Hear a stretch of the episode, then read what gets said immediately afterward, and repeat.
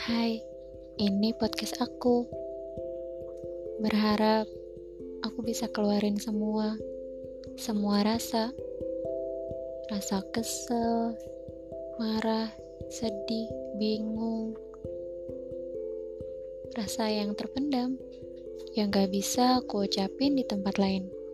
Semoga di sini aku menemukan tempat tempat di mana aku bisa ngeluarin semua kata-kata tanpa harus aku dengar balasan orang yang gak pengen aku dengar.